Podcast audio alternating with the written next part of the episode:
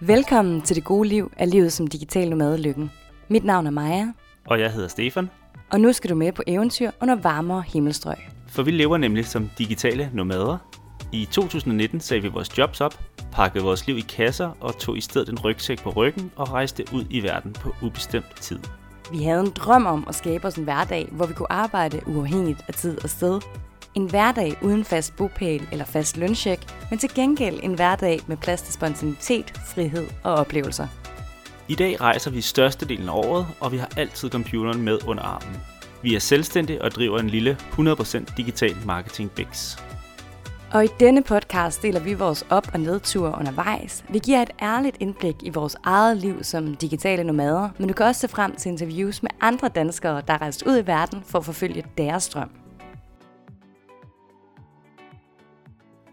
Bryllup på Bali med palmesus og bølgebrus, romantiske taler og dans under stjernehimlen natten lang. I dette afsnit skal du høre om vores bryllup på Bali. Vi fortæller om de vildeste dage i vores liv, og nogle af alle de overvejelser, vi havde op til. For dem var der altså mange af. For eksempel om vi skulle krydse fingre for blå himmel, eller smide knap 1000 kroner efter en såkaldt regnguru, der på balinesisk maner kan holde regn væk. Vi har holdt vores drømmebryllup, og i det her afsnit løfter vi sløret for en masse af detaljerne. Igen, velkommen til en lidt utraditionel udgave af Det gode liv af livet som digital madlykken.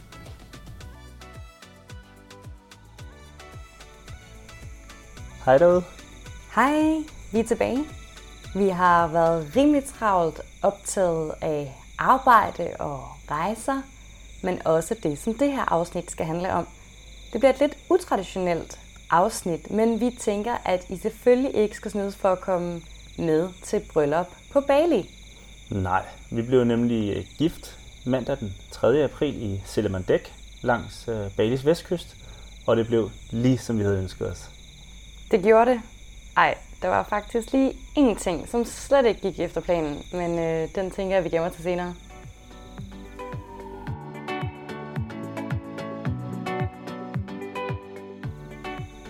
Da jeg for lidt over to år siden friede til dig, der begyndte vi jo at snakke om, hvad der skulle ske. Og vi havde begge to tænkt på, at hvis vi skulle holde et bryllup, så, øh, så skulle det være på Bali.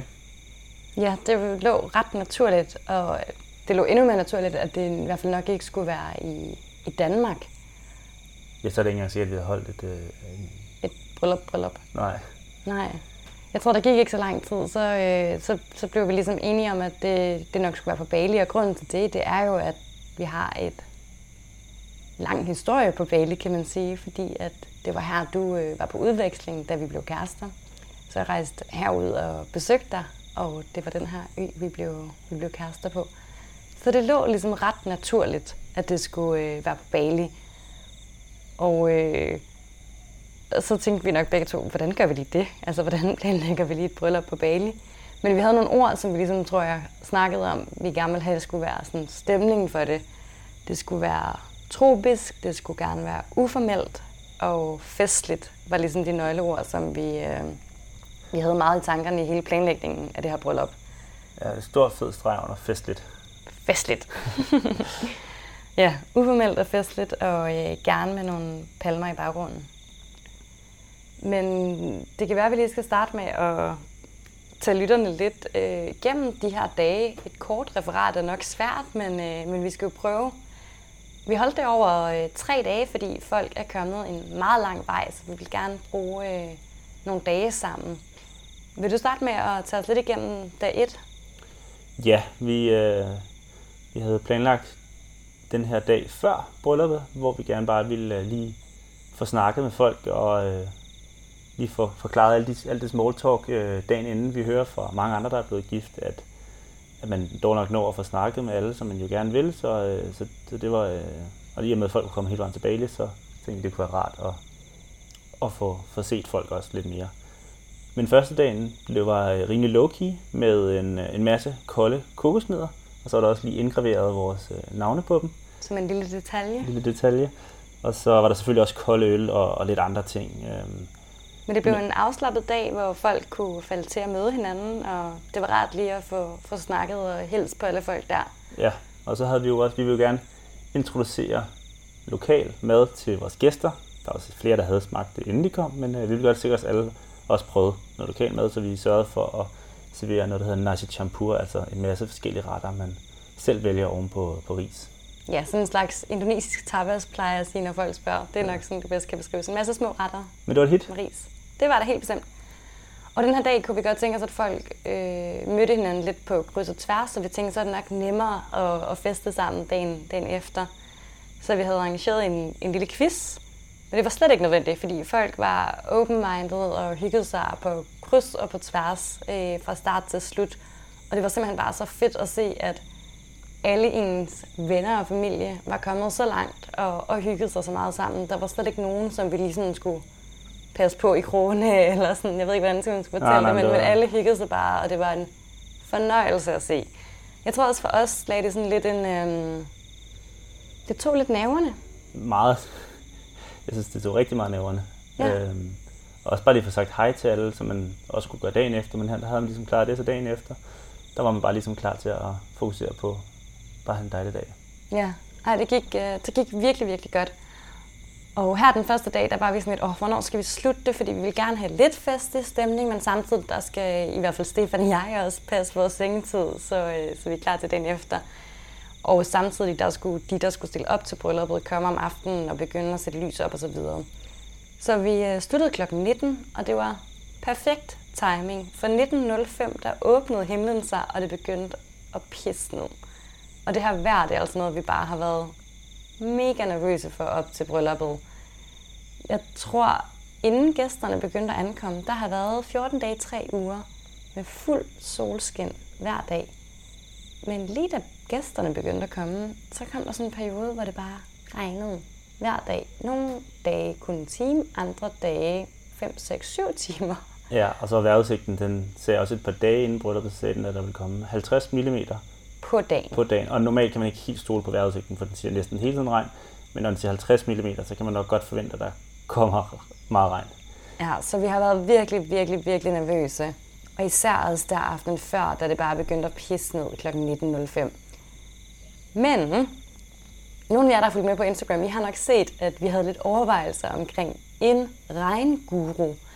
Det er altså en, en lokal gut hernede, som man hyrer til at få regnen til at gå væk fra det område, man er, øh, hvor man skal holde noget vigtigt. Og vi havde også hørt, at der dagen før, at grunden til, at øh, det havde været så godt vejr øh, om aftenen, i hvert fald indtil kl. 19, jamen, det var fordi, at nogen i nærheden også øh, holdt bryllup, øh, og de havde i hvert fald hyret en, en regnguru. Og vi, vi tænker, den fest må have stoppet kl. 19, fordi kl. 19 begyndte det i hvert fald at regne. Men til vores egen dag, øh, der endte vi sgu også med at, at hyre en regnguru. Hvorfor gjorde vi det? Men øh, altså for at være helt ærlig, så troede vi jo nok ikke selv på det. Men det, det lokale troede på det, og øh, vi synes, det var fedt. Og øh, vi må Vi støtte op om det. støtte op om det og give det et skud. Ja, en Øhm. lokal tradition. Men det, der også var ekstra fedt i det her område, det var, at der var to regnguruer. Nå ja, det var det, du fortalte. Og øh, man blev åbenbart nødt til at hyre begge to, fordi hvis man kun hyrede den ene, så ville den anden sidde og, og prøve at sørge for, at der kom regn, fordi han var sur over, at han ikke blev hyret. Så øh, vi havde jo også dobbeltkræfter på. Lidt fjollet måske, men øh, vi gjorde det. Og øh, de her regnguru, det koster altså, den første vi fik tilbudt, altså var det ikke 1.500 kroner? Jo, det synes vi lige var i overkanten. Ja, for en mand, vi ikke ser, som sandsynligvis sidder derhjemme og laver et eller andet for at få regnen væk. Det synes jeg måske lige var i overkant. Men vi endte altså med at give 700 kroner, så det, det blev jo ikke så slemt. Nej, Det, det var 700 kroner værd, for vi var nemlig mega, mega heldige. ja, de, øh, altså de havde regnet alle dage før, også efter, men øh, altså, der kom meget, meget, meget, meget få dråber regn på et tidspunkt, men ellers ikke. Ja, og jeg vil sige, nu går vi så over til at snakke om selve bryllupsdagen. Øh, for det var der, vi var allermest nervøse for, om der skulle komme regn. Og selv om morgenen var vi sådan, kommer der lidt, kommer der ikke noget. Vejrudsigten ser stadigvæk ikke super lovende ud. Og øh, det var der, vi besluttede os for at øh, stille telte op. Vi havde tænkt os, at middagen skulle foregå under øh, åben himmel. Men vi besluttede os for at øh, få nogle telte op for at være sikker, øh, just in case, fordi det ville jo ødelægge middagen fuldstændig. Der var ikke nogen god plan B. der var virkelig ikke nogen god plan B, selvom jeg var meget imod de her telte. Men de, var rigtig, de blev rigtig, rigtig fine, at de kom op at stå. Altså, jeg vidste bare ikke, hvordan de så ud, og jeg vidste ikke, hvad jeg skulle forestille mig. Nej. Jamen. Så det var sådan en... Uh, man var godt nok lidt, øh, lidt usikker der. Men øh, ja, alt i alt, første dagen, fantastisk. Øh, det var virkelig, virkelig øh, godt, at vi havde den første dag til at lige at sige hej til alle og, og få taget næverne. Ja. Men spørgsmålet er, om vi fik øh, taget alle næverne. Det tror jeg ikke, fordi i starten af det her afsnit, der sagde jeg, at der var én ting, der overhovedet ikke gik, som den skulle. Og øh, ja. Vi, vi kan måske lige starte med at sige, at vi op til brylluppet har været utrolig nervøs for, at vi skulle komme til skade op til det. Altså med alt nærmest. Øhm, på scooteren, på surfing, eller altså... Ja, vi har bare været sådan lidt nervøse for, at der skulle ske et eller andet. Det var ligesom, at der ikke var noget efter brylluppet. Vi skulle bare sørge for, at der ikke sker noget inden brylluppet. Ja, men på dagen, der skal vi øh, spise morgenmad på et øh, hotel i nærheden, og Stefan og jeg har sat os op på scooteren. Og så ender det med, at vi vælter på scooteren. Ja, for første gang på, jeg ved ikke hvor mange år. Vi er aldrig væltet på scooter før. Altså, det sker på vores bryllupsdag, fem timer inden ceremonien. Ja, det er fordi, vi skal op ad sådan en lille sti. Ja, der kører man mellem øh, rismarker. På sådan en lille bitte sti, hvor man skal sørge for at holde på. Jamen, der er lavet sådan nogle bilspor ovenpå sand eller græs eller hvad nu end der, som er løftet lidt op, og det er det, man skal sørge for at holde sig på. Men næverne, de satte ind, og øh, vi væltede. Der skete ingenting, skal vi lige skynde os at sige. Altså, vi væltede bare lige så forsigtigt øh, ned i et eller andet vandafløb mellem rismarkerne og stien. Og, øh, har du fik et stort botmærke, og du var hurtigt nervøs for, om der skulle komme nogle grimme hudafskrabninger, men det gør der heldigvis ikke. Nej, nej, nej, det var helt okay. Øh, et stort blåt mærke, og øh, det var godt, at vi havde hjelm på, øh, fordi at mit hoved redder sådan en tur ned i kantstenen. men øh, det var godt, at vi havde hjelm på. Vi kom op igen lidt lettere omtumlet og sådan, åh, puha, det var godt, der ikke skete mere, og er du okay? Og, nå, vi kommer op og spiser morgenmad. Og øh, det er så her, den rigtige forskrækkelse måske viser sig. For du sidder og roder rundt i øh, din taske efter et eller andet, og jeg fatter ikke helt, hvad der foregår, og tænker, hvorfor får vi ikke bare bestilt den morgenmad? Og så siger du så nøglen til safetyboxen, hvor ringene ligger i, er væk. Og jeg er bare sådan, okay, øh, kan du forklare nærmere? Jamen, den lå i tasken, og, og lynlåsen står åben. Og jeg er sådan, altså, tror du, den er faldet ud under vores styrt? Ja, siger du så. Ja, der var ikke rigtig andre muligheder. Men det skal så også siges, at normalt så har de jo ofte en ekstra safety box nøgle eller så videre for mange hoteller, men de havde ikke styr på så meget det personale der, hvor vi, hvor vi, hvor vi var. Så øh, sandsynligheden for, at de havde en ekstra nøgle, tror jeg var meget lille. Altså det tog lang tid bare for dem bare at finde den ene nøgle, og de kunne ikke huske koden. Øhm, så det var super. Så vi tænkte, jamen det kan da godt være, at vi ikke har ringet til hvilesen. Om nogle timer? Altså det har det fem timer inden hvilesen, og vi sidder bare sådan, okay, ja. Jeg får bestilt morgenmad, og du kører så tilbage til det her vandafløb, og jeg tænker, den finder du jo ikke. Nej, det var rimelig long shot. Men uh, heldigvis så finder jeg sporene fra, hvor vi var faldet, og går i gang med lede der. I starten, der var der ikke noget at finde, men uh, lige inden jeg var ved at give op, så, uh, så ligger der lige en nøgle sådan ned i vandafløbet. ned i vandet? Uh, og det var heldigvis den. Så det var... Ej, det var så heldigt. Altså, ja, men virkelig, virkelig heldigt, at vi fandt den, og virkelig, virkelig heldigt, at der ikke skete mere. Altså, det var lige et, et blåt mærke og, og lidt mudder. That's it.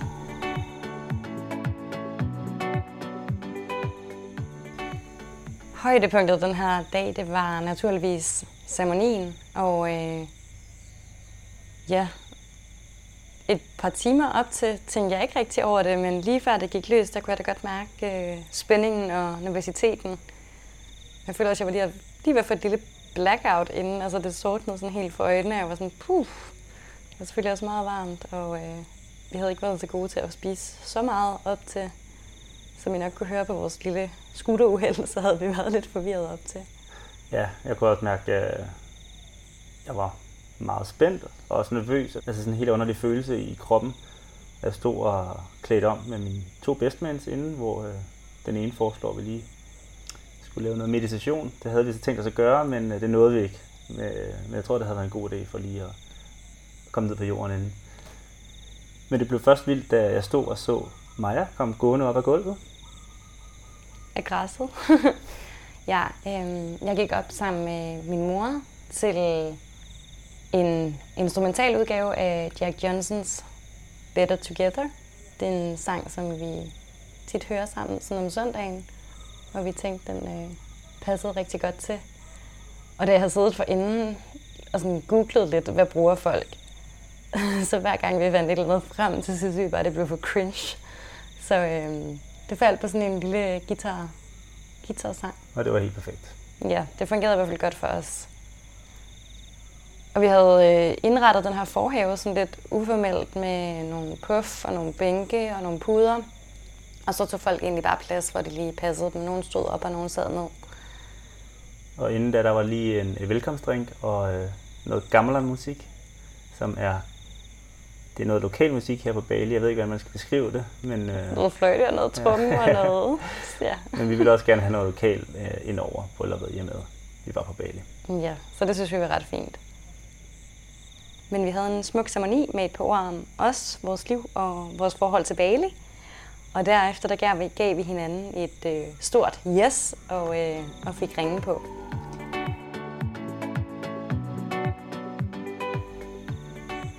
Og så går vi videre til festen, fordi at øh, en af de ting, som vi jo havde skrevet i de her, hvad kan man kalde, nøgleord for, hvordan vi gerne ville have vores bryllup skulle være, det var jo, at det skulle være festligt.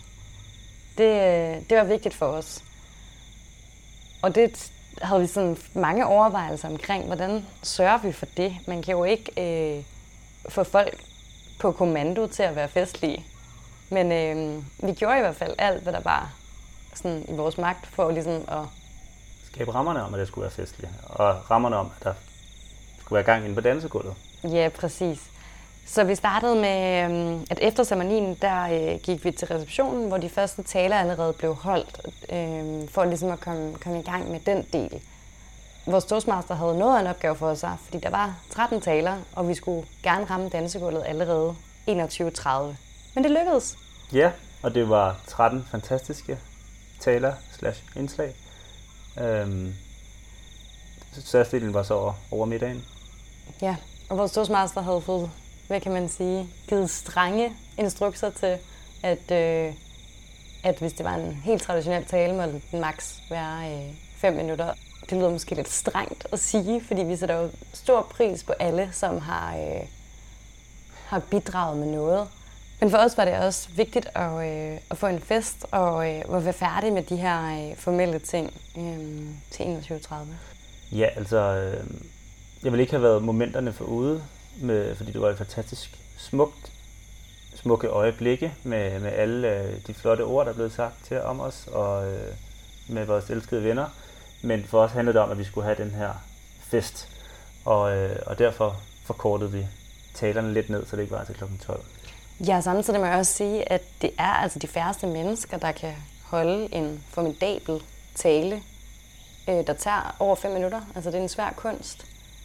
Så der tænker jeg nærmest, at vi hjælper jo bare folk ved at sige, at vi skal holde den på, på fem minutter.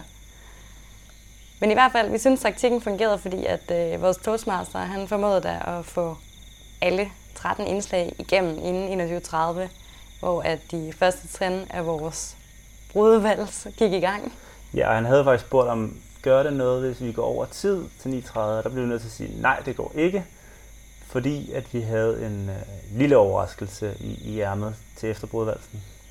Ja, vi havde hørt en saxofonist til at spille sammen med vores DJ efter brudvalsen, og øh, det var, hvis vi selv skal sige det, rimelig genialt.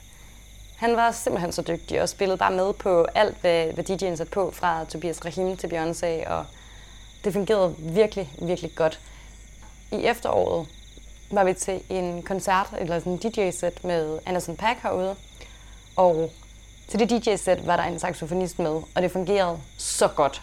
Og midt under den koncert kan jeg bare huske, at jeg øh, nærmest skriger der i hovedet, vi skal have en saxofonist til vores bryllup! Og øh, sådan blev det. Ja, altså vi havde forventet, at det kunne blive fedt, men han var ikke så nem at kommunikere med inden, så vi vidste ikke rigtigt, hvad vi skulle forvente. Nej, men han, han har dog nok snakket med vores, vores DJ var dansk, han har dog nok snakket med ham inden, men øh, han spillede med på på alt. alt det var danske helt numre. genialt. ud. Altså, der var, han, ja, han var virkelig god, og det har også næsten alle vores gæster, vi har snakket med efterfølgende, har nævnt ham som øh, som en af højdepunkterne. Mm. Altså det satte virkelig, virkelig gang i dansegulvet, og det endte med, at vi fik lige præcis den der stemning, vi havde drømt om, med øh, at bare feste og danse fra 21.30 til festen lukkede kl. 3. Så jeg vil sige, det, det gik sgu, som vi havde, øh, havde håbet på, og, øh, og regnen blev væk. Ja, det var helt fantastisk. Så fra nu af, der, øh, der tror vi på Regnguru. Ja, det er øh, noget nyt. Han er virkelig, eller de havde virkelig vist øh, deres værd den dag. Ja, I må skrive der hjemme i Danmark, hvis I øh, har brug for at få en kontakt til en regnbue. Jeg ved ikke, om de kan arbejde helt fra Bali til Danmark. Nej, det er øh, ikke sikkert, men øh, det kan være, det er det er værd, hvis man skal flyve ham hjem.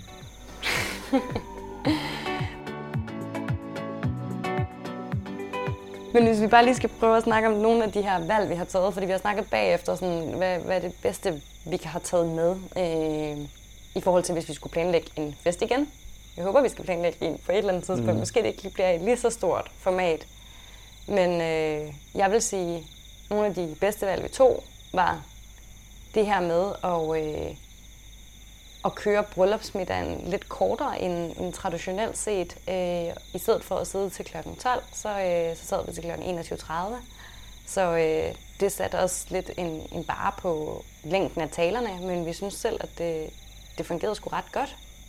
Om det vil fungere på samme måde til alle andre bryllupper, det, det skal vi ikke være dommer over. Men øh, til vores, der var det, var det helt perfekt. Så kørte vi en afslappet øh, dresscode, hvilket jeg også tror har været med til at give en lidt mere loose stemning. Ja, og så også, øh, altså det bedste har jo været, at vi prioriterede højt at få en dygtig DJ, men også en dansk DJ.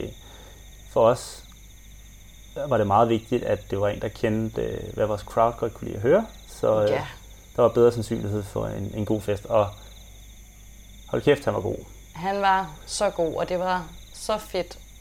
Og folk bare dansede fra kl. 21.30 til kl. 3. Jeg tror virkelig, det er en svær opgave, Ja. når folk har været i gang i så mange timer og holdt den kørende. Vi havde snakket for inden, at der klokken 1 2 tiden kan det være, der begynder at, og, øh, at gå lidt død i dansegulvet. Men øh, altså, det var først, da de rev stikket ud klokken 3, at, øh, at det døde. Og saxofonisten som en surprise, synes jeg også var, bare, var helt genial, fordi at han netop kom ind lige da brudevalsen sluttede. Øhm, nogen opdagede det faktisk ikke i starten, fordi de bare hørte, altså jeg tror, de troede, at det var bare DJ'en, der havde sat lidt øh, saxofits på øh, i baggrunden. Så øh, det var sgu også meget fedt. Ja. Og så har vi brugt ret mange kræfter på, hvordan vi skulle placere tingene i forhold til det her med at lægge op til, til fest. Ja, skabe rammerne for fest frem for hygge. Så der havde vi placeret dansegulvet og baren tæt på hinanden, og vi havde sørget for at stille i et stol rundt om dansegulvet, så dansegulvet ligesom bare centrum for aftenen. Ja. Også fordi det var et stort område, så vi, og mange af os danskere er måske ikke så glade for at stå og danse, hvis man føler, at hele øh, festen står og kigger på en. Så hvis man samlede folk lidt mere, så øh, tænkte vi i hvert fald, at det var bedre sandsynlighed for en god fest. Og det lykkedes. Ja, det blev virkelig ligesom, øh, som vi har ønsket os. Vi, vi dansede natten lang, og ja, havde bare en, en grineren aften med, med alle vores venner og familie. Og jeg tror også bare, at vi blev super overvældet og rørte over lige pludselig bare at have 70 af ens nærmeste omkring sig Jamen, det var, på Bali. Det var helt vildt. Øhm, Så vildt. man prøvede virkelig at suge det hele til sig, men det var svært, for det var så overvældende og så altså der fantastisk. skete så mange ting på Ja. én gang. Øhm, og man, altså det var også, der, der, vel, da der lige pludselig var 70 af ens nærmeste på det samme sted, så skulle man lige sige, at ja, vi skulle da fra Bali, vi er ikke i Danmark. Altså hvor vildt det var, at alle var kommet hele vejen derud. Men det er jo nærmest sådan en, en minifestival, vi har, øh, vi har, vi har planlagt. Øh, og hvordan gør man så det? Ja, det er jo et stort setup, det må man sige. Hvis man tænker, at det er en stor opgave i Danmark, så kan jeg godt fortælle, at den ikke bliver mindre herude. Og øh, derfor der valgte vi os ret hurtigt at allokere en del af vores budget til en, en bryllupsplanlægger. Og så tænker man nok, Nå, men så står hun jo for det hele. Det kunne man måske. Godt Ja. overlade alt til hende, men, men, men det gjorde vi ikke. Nej, Så det har været en kæmpe, øh, altså, kæmpe opgave, fordi at vi valgte også et sted, som var ude med de ingenting. Faktisk bare det at finde location var en stor opgave. ja, det har virkelig været ude mange steder vi kørte fra sted til sted, bare kiggede på Google Maps, hvor ligger der noget, øh, zoomede ind, øh, prøvede at køre ud, se om der var nogen, vi kunne snakke med. Og rigtig mange steder herude skal festen lukke, og de kunne, altså tidligt, og de kunne ikke rigtig sige, at måske skal den lukke kl. 10, måske kl. 11, måske kl. 12. Og øh, vi var ret sikre på, at vi ville ikke have et bryllup, der skulle lukke klokken hverken 10, 11 eller 12. Ja. Så det var en stor opgave bare at finde det sted og få dem overtalt til, at vi måtte øh, feste til klokken 3. Og også bare, hvordan fungerer det? Så skulle man betale et fee til det, der hedder bandjar, som er sådan en slags nabolags, hvad kan man kalde det? En bestyrelse i nabolaget eller et eller andet. Ja, øh. præcis. Så man, altså, jeg føler nærmest det bestikkelse, man giver, men man skal i hvert fald give en stak penge til dem for overhovedet at få lov til at holde event i, øh, i området. Og ja, der er bare så mange ting, som man skal styre på herude, som man ikke lige vidste, der fandtes. Og nogle gange så er man også lidt i tvivl om, bliver jeg taget røven nu eller ej. Ja. Så der var det bare skide godt at finde en bryllupsplanlægger, som kunne stå for nogle af de der ting, selvom vi så stadigvæk var inde over alting. Og især men, fordi vi også var ude midt i ingenting. Ja, men det er også fordi, at det virkede til, at hun var vant til at planlægge nogle bryllupper med en helt anden stil, end hvad vi har. Så vi blev nødt til at være inde over alle små detaljer. Øh, hvor hun, Ellers så fik vi sådan et American wedding, tror jeg. Det var lidt mere pompøst eller... Øh, Romantic. Ja, og det var ikke i os. Nej. Så vi var meget inde over. Vi var altså inde over i alt. alt. Helt ja. ned til de små detaljer. Men øhm, også, også flere det her... gange. Fordi... Nå ja, de skulle lige forstå det. Ja. Selvom du har sagt det en gang. Øhm, så skulle man lige fortælle et par gange. Men fordi vi også havde en, en location ret meget ude i ingenting, så skulle alt faktisk derud. Der var ikke øh, noget derude, så alt fra bordstole, øh, tallerkener, Jamen, alt glas, drikkevarer, lys, drikkevarer, øh, ja, øh, ansatte, der skulle hjælpe til med ting. Så det var bare et, et, et kæmpe stort setup, og øh, derhjemme tror jeg aldrig nogensinde, vi havde tænkt, at vi skulle øh, hyre en bryllupsplanlægger. Herude, der, øh, der vidste vi, at det blev vi nok øh, nødt til for at sikre os, at det hele gik, som, som vi gerne ville have. Fordi at ja. en aftale er bare ikke altid en aftale herude. Plus bare at vide, hvor vi skulle finde et menneske til at vide os. Vi ikke engang vide, hvor jeg skulle gå i gang med at lede hen, men samtidig vil det også bare være, hvis der gik noget galt på dagen. Ja, hvis der lige pludselig ikke var blevet leveret stole, så skulle vi ikke altså, bruge Stå med det. flere timer på at få løst det. Så skulle vores bryllupsplanlægger ja. stå med den, eller hvis strømmen gik. Så det var det helt rette valg. Og øh, det kostede øh, 25.000 for hende og hendes, så havde vi hyret noget personale ekstra på dag, der dag 3. Øhm, men det har været alle pengene værd, og vi har brugt rigtig mange timer på at planlægge det her bryllup selv, men jeg tør slet ikke tænke på, hvor mange timer og meget pres, der havde været, hvis vi ikke havde haft planlægger og selv skulle sørge for alle de her ting. Ja, så det kostede altså 25.000 kroner, øh, men det var alle pengene værd, hvis man skal holde bryllup i større setup sådan et sted herude, så, øh, så vil jeg til hver tid gøre det igen. Ja. Altså, eller et andet stort event herude. Nej, nej, nej, det var, det var alle pengene værd. Bare tage nogen til at stå for tingene på dagen, hvis, øh, hvis der var noget, der gik galt. En anden ting, som der er i hvert fald en del, der har spurgt om, øh, når, de har, når det er gået op for dem, at der skulle komme 70 gæster til det her bryllup, det har sådan været, øh, jamen, hvad gør I så med gæsterne? Ja, vi inviterede præcis, som øh, vi ville have gjort i Danmark. Vi sendte en invitation til en øh, tre-dages fest, og øh, så var det egentlig helt op til folk, om de ville komme eller ej. Så hvordan de valgte at komme frem og tilbage og boede før, under og efter, det var øh, det blandede vi os ikke i. Ja, så det har på en eller anden måde været præcis ligesom hvis vi havde holdt det i Danmark. Og så har vi bare understreget over for alle, at der ikke har været forventninger til, at folk kom, fordi vi forstår godt, at det er enormt langt væk og en stor prioritering. Og derfor er vi heller ikke blevet øh, skuffet over afbud, men øh, vi er så blevet sindssygt beæret og glade over, at der kom 70 gæster hele vejen. Ja, det er helt vildt. Det var slet ikke øh, i vores vildeste fantasi, fantasi. vi kunne håbe på. Så øh, det var fantastisk. Og, og så, derudover så har vi også meldt ud. Ja, vi havde sagt, at vi ikke havde nogen forventninger om gaver, fordi at, øh, for os der var det bare en kæmpe gave i sig selv, at folk havde prioriteret at komme så langt for at tilbringe tre dage sammen med os. Ja. Alt i alt har det altså bare været øh, tre dage i drømmeland, og øh, nogle dage, som jeg tror, vi vil tænke tilbage på som nogle af de største i vores, vores liv. Uden tvivl, ja. Vi har sparet op til det i to år, og det blev måske en tand dyrere, end vi først havde budgetteret med. Jeg tror, der er en del, der tænker, at det må være spot billigt at holde bryllup på Bali. Men øhm, de ser altså guld herude, når de hører ordet bryllup. Ja, og arbejdskraft, det, det er jo naturligvis billigere herude, end, end det er i Danmark. Men så er der alkohol, som er en øh, del dyrere herude, end øh, det er i Danmark. Så det rendte op, men lige meget hvad, så øh, fik vi det bryllup, som vi havde drømt om, og øh, for os var det det hele værd. For os var det 100% det hele værd. Tak fordi du lyttede med. Hvis du vil se billeder fra de her eventyrlige dage, så er der masser at finde på Instagram. Du kan finde mig under Maja Grønholdt med O i stedet for Ø. Og mig under Landgreve, lige ud landevejen.